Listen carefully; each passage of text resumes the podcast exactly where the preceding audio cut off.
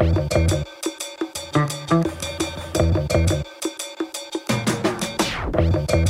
De Week van de Pleegzorg zet Pleegzorg Vlaanderen de meer dan 8000 Vlaamse pleeggezinnen in de bloemetjes. Een mooi en verdiend initiatief, maar tegelijk hangt er ook een broodnodige boodschap aan vast. Die 8000 is niet genoeg.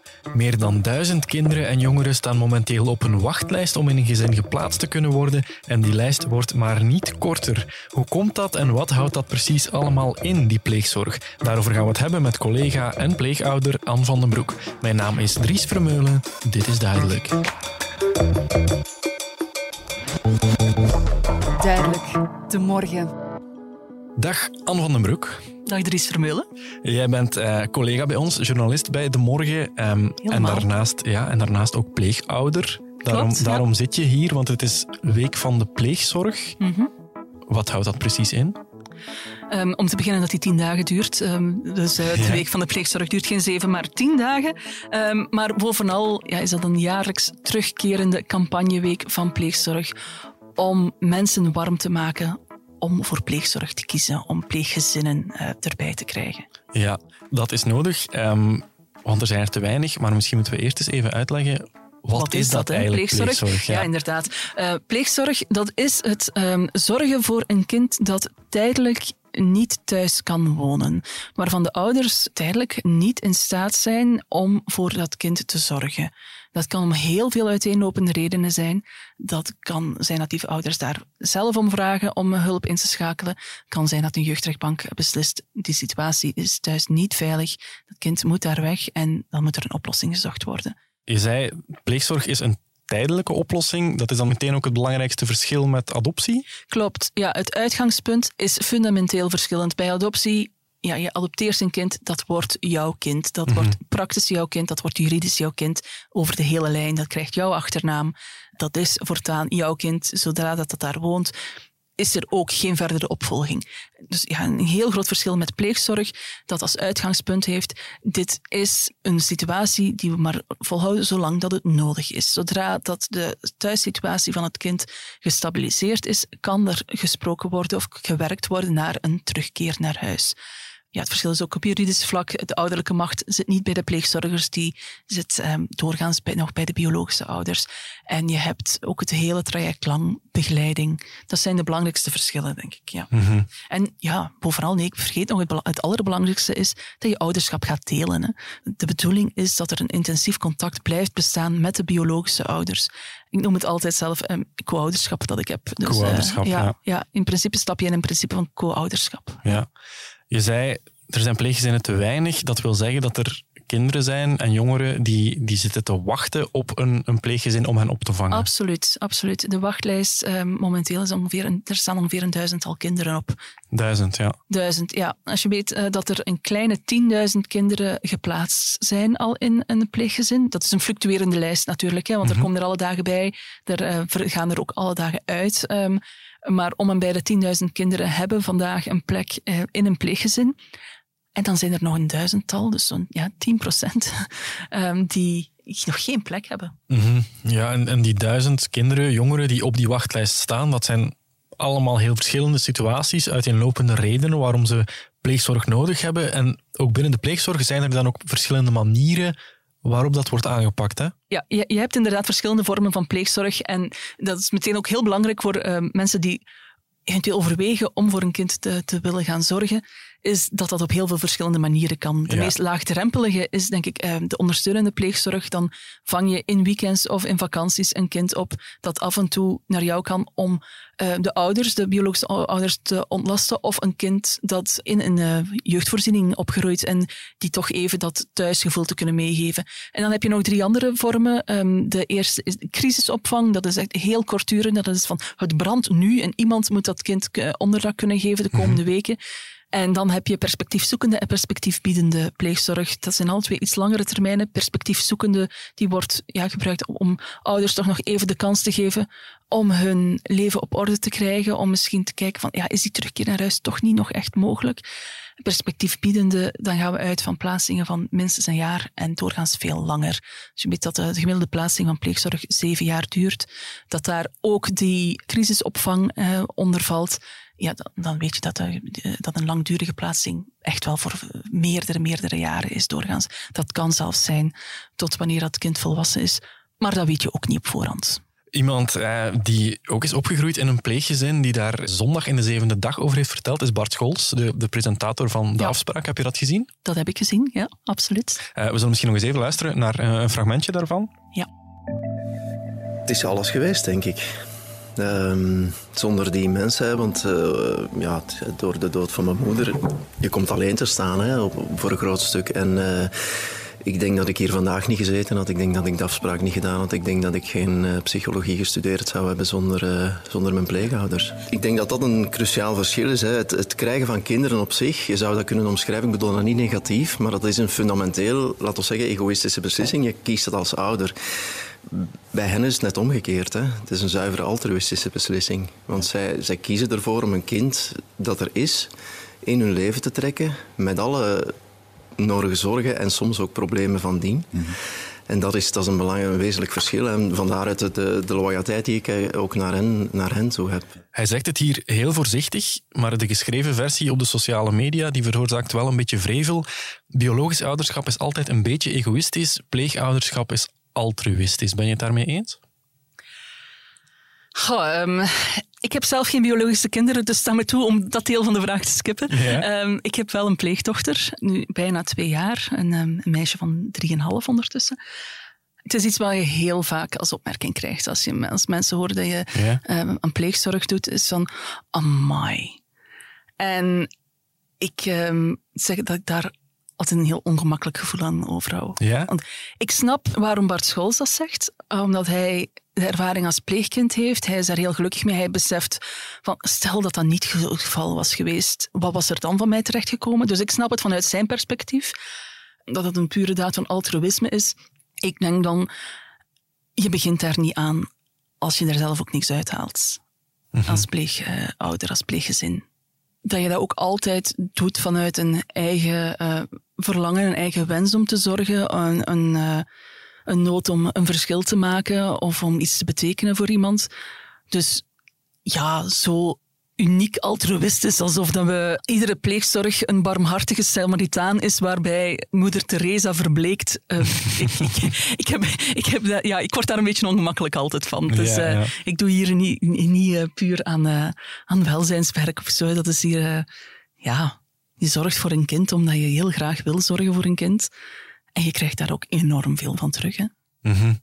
Ja, je zei het al, jij bent sinds uh, ongeveer twee jaar ook pleegouder. Ja. Kan je daar iets over vertellen, zonder al te veel details prijs te geven, hoe dat verlopen is? Bijvoorbeeld ja, de, de selectieprocedure, is dat heel streng? Hoe gaat dat? Ja, um, dat is best wel pittig, vond ik zelf. Um, nu, de, misschien moet ik daar ook nog het verschil maken, want dat heb ik daar straks nog niet gezegd. Uh, pleegzorgers vallen uit elkaar in twee heel grote groepen.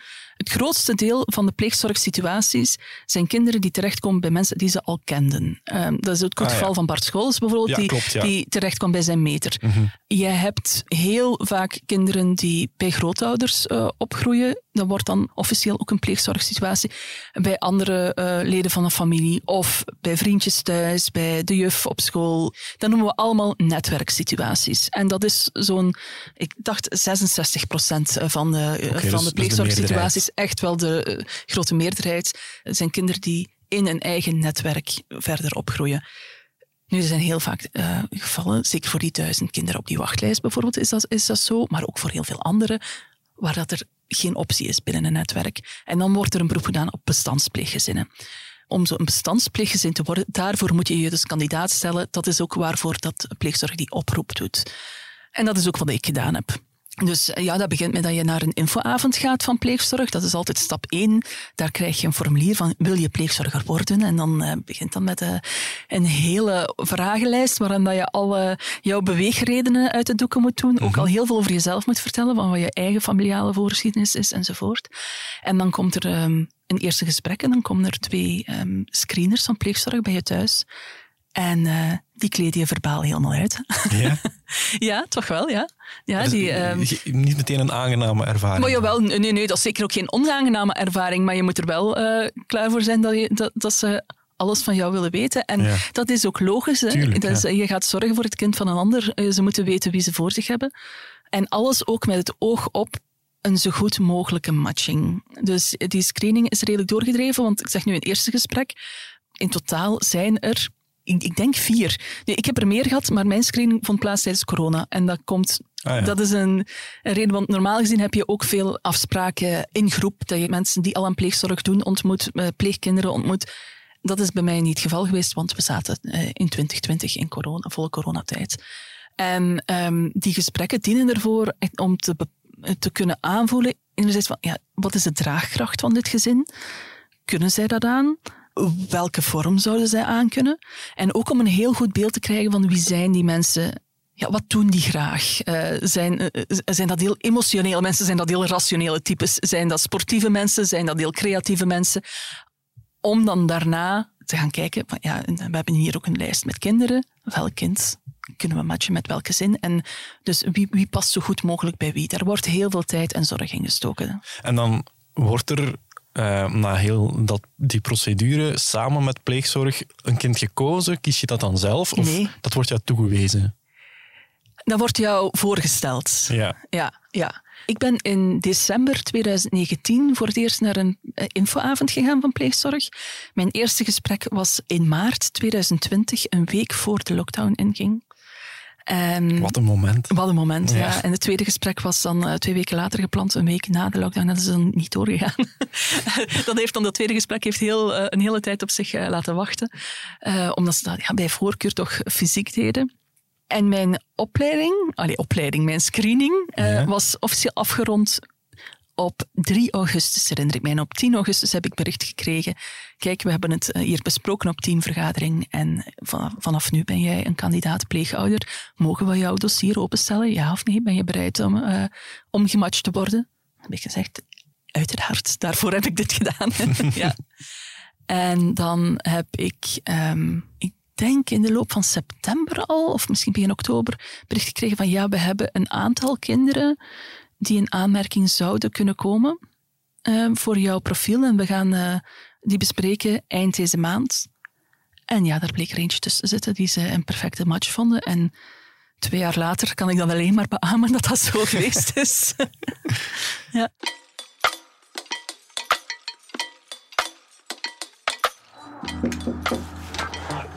Hoi. Hallo. Ik denk dat ik een afspraak heb. Goedenavond. Ja. Goedenavond. Hallo, dankjewel. Mirjam en Jo uit Hasselt zijn al elf jaar pleegouders. Ze hadden al drie zonen en daar hebben ze nog twee pleegzonen bovenop genomen. Jongens van nu 10 en 12 jaar. Veel leven in huis dus en dat is precies wat ze altijd gewild hadden. Laurent Pervoets ging voor ons op reportage. Mijn naam is Mirjam, ik ben getrouwd met Jo en ik eh, heb vijf zonen. eh, drie biologische zonen en twee pleegzonen. Ik ben Jo, dus de man van Mirjam. Ik ben Dries en ik ben de oudste van de vijf. Ik ben Jan en ik ben de tweede oudste. Ik ben Bob en ik ben de middelste. Ik ben de jongste. Ik vind het heel leuk dat ik hier mag zijn.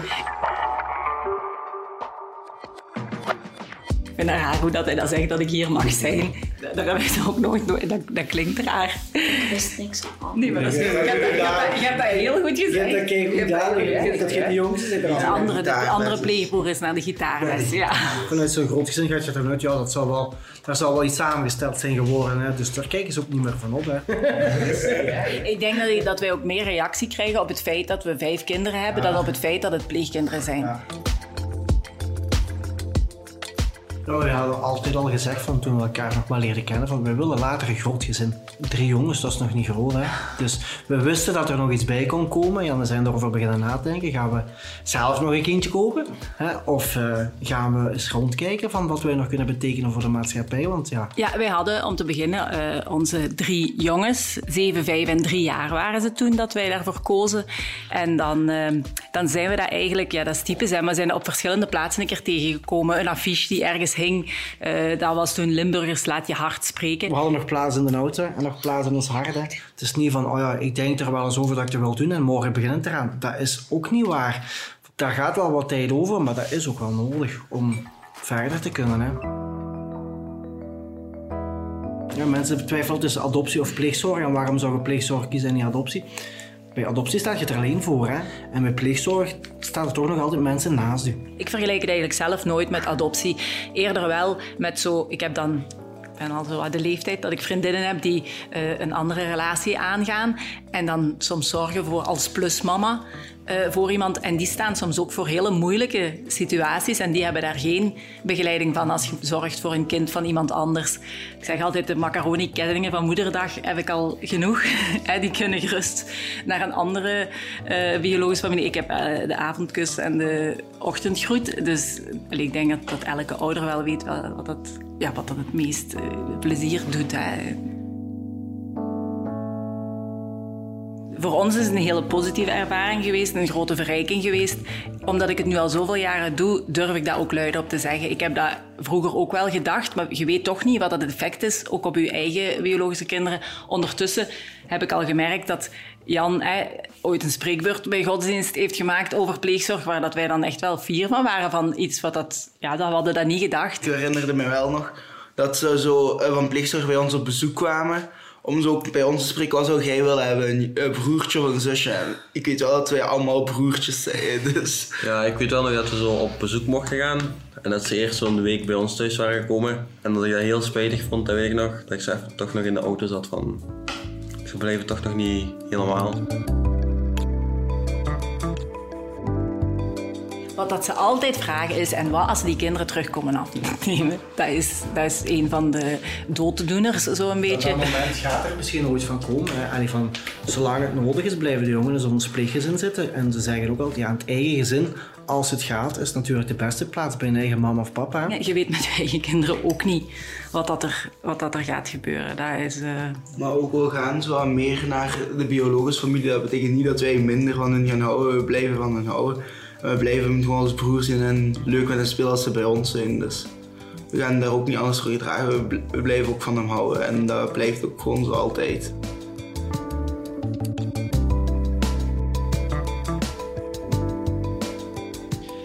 Ja, Anne, we hoorden hier het gezin van Mirjam en Jo met hun drie biologische zonen en twee pleegzonen. Mhm. Heb, heb je hier veel dingen... veel respect daarvoor. Ja, ja. Zo'n uh, groot gezin. dus toch daarnet zeggen, uh, dat respect dat is niet altijd... Uh... respect mag er zijn, hè? Ja, ja dat is waar. Beate bewondering en, en heiligverklaringen, dat hoeft nu ook weer niet. Nee, nee, begrijp ik. Heb je hier veel dingen gehoord die, die herkenbaar zijn? Uh, ja, zeker, zeker. Uh, heel veel. Um, uh, wat Mirjam zegt over, over moederdag bijvoorbeeld, dat is, dat is zo. Dat is wat ik daar straks ook al zei, pleegzorg. Je doet aangedeeld ouderschap. Mm Dus heel veel dingen zijn niet voor jou. Um, ik heb ook nog geen, geen moederdag cadeau gehad. Um, vind ik dat erg? Ook niet eigenlijk dat is inherent. Hè. Je, je, wil een goede band met, die oude, met de biologische ouders. En dat doe je ook door hen te erkennen in een rol. En mijn ervaring is dat dat voor hen ontzettend belangrijk is om zo dingen te krijgen als een moederdag cadeau. Dat ze zich toch op dat moment die mama voelen. Ook al ze weten heel goed, ik kan dat momenteel niet zijn zoals dat, dat, dat zou moeten. Maar mhm. dat je toch die erkenning geeft. Ze weten ook dat die voor een stuk vanuit jou komt. Omdat, ja, in, in mijn geval, het kind nog zo klein is dat hij dat zelf niet beslist. Hè, wat geef ik aan wie? En dat draagt echt wel heel goed bij tot die verstandhouding. En daar profiteert iedereen van. En ja, je kind in, uh, in de eerste plaats natuurlijk. Maar wat ook ja, extreem herkenbaar is, is natuurlijk dat ze zegt dat mensen... Um, de eerste vraag is altijd... Ja. Oh nee, maar dat wil zeggen dat, dat, die, dat die misschien een dag wel weg gaat gaan. Hè? Dat, dat, dat, dat je die weer kwijtraakt. Ja, want het, het, spijt mij, Mirjam zei al, het is een vervelende vraag, maar ja, ik, ik moet ze ook stellen. En dat is mhm. inderdaad iets, iets dat mensen zich meteen afvragen je kan dat kind weer kwijtraken. Dat, dat kan terug naar de biologische ouders gaan. Dat is wel iets waar je rekening mee moet houden, toch, als pleegzorger? Dat is zeker zo. Je begint, ja, dat, dat, als dat begint met je keuze voor pleegzorg. Hè. Ik heb het al gezegd, de definitie van pleegzorg is dat dat een tijdelijke oplossing is in het beste geval. En dat weet je wanneer je eraan begint. Nu, er is een verschil tussen weten en weten. Hè. Ik mhm. weet dat, uh, dat dat zo zal zijn. Ik weet dat er een kans bestaat um, dat um, ook mijn pleegdochter ooit weer terugkeert naar haar biologische gezin. De dag dat het zo zal zijn, ja, dan ga je mij van de vloer kunnen komen ja, uh, schrapen, natuurlijk. Um, maar is dat een slechte zaak? Is dat een reden om er niet aan te beginnen? Die vraag heb ik mezelf al wel ook gesteld. En ja, het antwoord was voor mij heel duidelijk nee. Um, je weet mijn eigen kind ook niet waar het gaat uitkomen. Mhm. er zijn ook kinderen de- de- waarmee dat de ouder-relatie, eh, ouder-kindrelatie volledig spaak loopt. Je weet niet wat er gaat worden van jouw kind, hoe zich dat gaat gedragen als dat een puber wordt, wat er, eh, wat er allemaal gebeurt. Nu, natuurlijk is de kans met een pleegkind iets groter dat die relatie stopt eh, dan met, met een eigen kind. Ehm, maar je hebt dan wel iets bijgedragen. Je hebt al die jaren dat je er wel voor gezorgd hebt, heb jij zoveel teruggekregen en heb je dat kind zoveel kunnen geven. Ik heb ooit eh, Herman van Goetem geïnterviewd, eh, de rector van de Universiteit van Antwerpen. Ja. Die heeft ook een pleegzoon, drie biologische kinderen en de jongste een pleegzoon. En die zei mij toen, kijk, pleegzorg is nooit, zelfs niet in de beste gevallen, een eh, verhaal van roze geur en maneschijn. En dat is absoluut waar. Maar iedere dag dat je kind hebt kunnen geven, is een gewone dag. Dat is een dag dat hij opgegroeid is in warmte, in veiligheid, in stabiliteit. En in, in principe is dat onbetaalbaar in, in een kinderleven. En dat is ook wat je terug hoort bij Bart Scholz. Hè. Ja. Dus ehm, ja, dat, voor mij was het dan een reden om, eh, om het zeker wel te doen eigenlijk. Als er nu mensen zijn die denken, misschien is dat ook wel iets voor mij, pleegzorg. Mhm. Waar begin je dan? Wat is de eerste stap die je zet? Ga naar de website van Pleegzorg Vlaanderen, kijk naar de kalender waar er ehm, infoavonden zijn en ehm, ga daarheen. Ja, informeer je. Informeer je heel erg goed. Dat gebeurt ook tijdens de screeningssessie. Dat gebeurt heel erg grondig zelfs. Ik weet dat ik op een gegeven moment eh, gezegd heb, ik heb het gevoel dat ik in een ontradingscampagne zit. Wat, wat, zijn jullie eigenlijk aan het doen? Wij proberen dit idee af te praten of zo. Dat is heftig, dat is pittig, zoals ik daar straks zei, zo die, die screeningperiode. Maar ik denk dat dat zo noodzakelijk is. Ga naar een infoavond, informeer je, informeer je heel goed. En dan hoop ik dat je de keuze maakt om, om het te doen. Want ja, voor mij is het echt ehm, tot, tot nog toe heel duidelijk de beste beslissing geweest die ik in mijn leven genomen heb. Ja, als, als collega die jou regelmatig ziet, kan ik ook wel getuigen dat je er duidelijk heel gelukkig van geworden bent. Absoluut, absoluut, absoluut. Ik heb dan ook een fantastisch kind ehm, in huis gekregen. Dat klopt. Ik heb ze al mogen ontmoeten en, eh, en ik kan het alleen maar beamen. Eh, Anne van den Broek, mag ik jou enorm bedanken voor dit gesprek. Ja, heel graag gedaan, Chris. Wie ik natuurlijk ook heel graag wil bedanken is Laurens Bervoets van Hoorstroom en Mirjam en Jo met de kinderen voor de prachtige reportage. En u, beste luisteraar, bedank ik ook weer om erbij te zijn. Hopelijk bent u er volgende week donderdag opnieuw, want dan is er uiteraard weer een aflevering. Heel graag tot dan. Dit was duidelijk.